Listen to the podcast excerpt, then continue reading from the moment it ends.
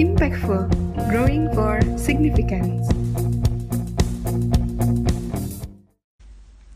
Sahabat pemimpin di mana pun Anda berada, kembali bersama dengan saya Sunjo Yesu di dalam program Impactful, Growing for Significance. Hari ini kita akan membahas satu topik yang sangat menarik, The Ten Ethics of Life.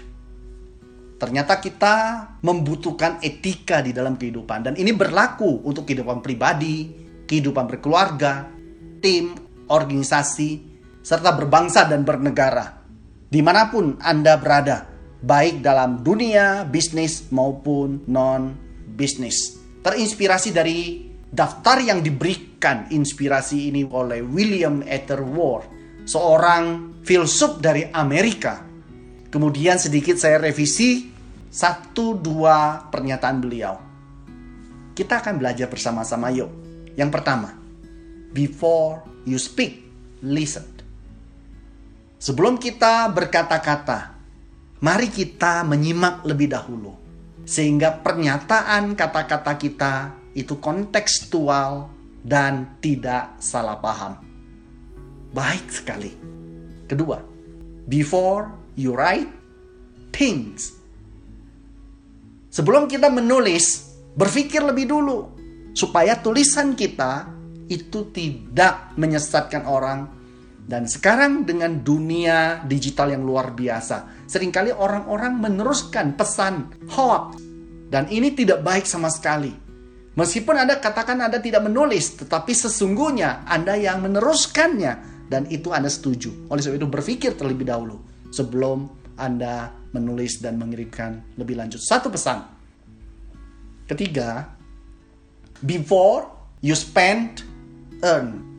Nah inilah rahasia manajemen keuangan pribadi dan bisnis. Seringkali kita menghabiskan begitu banyak uang sementara tidak sebanding dengan penerimaan yang kita miliki. Oleh sebab itu, sebelum Anda menghabiskan uang Anda, ya Anda perlu mendapatkannya dan Anda harus punya uang tersebut. Demikian juga bisnis. Dan ini bukan hanya pada bisnis dan pada kehidupan personal dalam hal keuangan ini juga berlaku ketika kita berbicara tentang pengetahuan kita, tentang keterampilan, kemampuan kita. Sebelum Anda mengajar kepada orang lain, lebih baik Anda miliki dulu kapasitas itu, kompetensi itu, pengetahuan itu. Belajarlah baik-baik. Setelah itu Anda baru berbagi kepada orang lain. Before you take, give. Seringkali kita lebih suka take menjadi taker daripada menjadi giver. Please, mari kita belajar sebagai seorang pemimpin untuk memberi lebih banyak daripada menuntut. Jadilah sungai, jangan menjadi waduk. Sungai mengalirkan segala sesuatu yang datang padanya, sementara waduk menampung segala sesuatu yang datang padanya. Yang kelima, before you invest, investigate. Inilah mengapa banyak sekali orang tertipu dengan investasi-investasi bodong. Karena tidak melakukan investigasi yang mendalam. Sehingga hanya tergiur dengan besarnya suku bunga yang ditawarkan. Dan memang benar. High risk high return tetapi meskipun demikian, kita perlu lakukan investigasi yang memadai untuk memastikan investasi kita memberikan hasil di kemudian hari. Selanjutnya yang keenam, before you criticize, wait.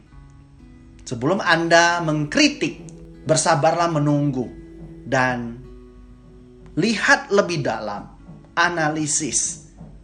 Kemudian Anda bisa lakukan penggalian berbagai informasi sehingga Anda tahu latar belakang mengapa orang melakukan sesuatu sebelum Anda memberikan kritik. Kritik itu gampang, tetapi sering kali berdampak sangat-sangat menghancurkan. Yang ketujuh, before you pray, forgive. Sebelum kita berdoa, kita minta Tuhan mengampuni kita dan kita bersyukur dengan cara apa?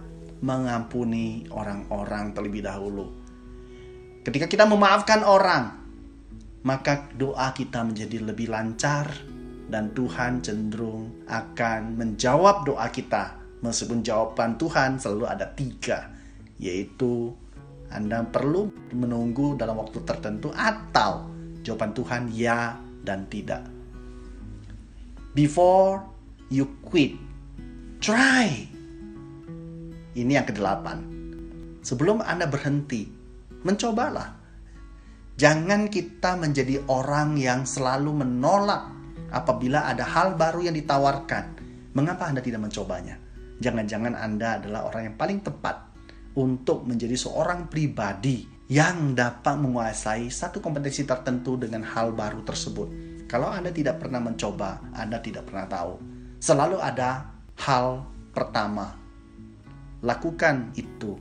Siapa tahu itu menjadi keberuntungan Anda. Kesembilan, before you retired, save. Banyak sekali orang ketika di masa pensiunnya hanya memiliki uang sedikit saja dan tidak mampu untuk menghidupi sisa hidupnya. Dan akhirnya apa yang terjadi? Mengandalkan anak-anak dan cucu mereka atau orang lain. Dan ini sangat memalukan. Setiap orang bertanggung jawab atas hidupnya masing-masing. Jangan banyak berharap bantuan orang lain. Syukur-syukur Anda bisa meninggalkan warisan. Jika tidak, setidaknya Anda tidak menjadi beban bagi orang lain.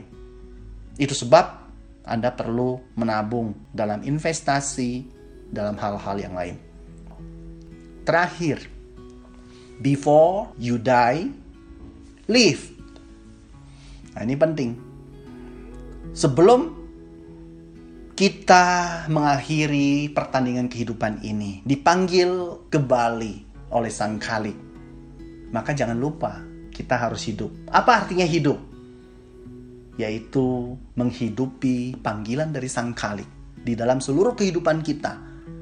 Dan kita optimalkan seluruh potensial hidup kita supaya kita setiap pribadi menjadi orang-orang yang bertanggung jawab atas potensial yang telah Tuhan berikan kepada kita.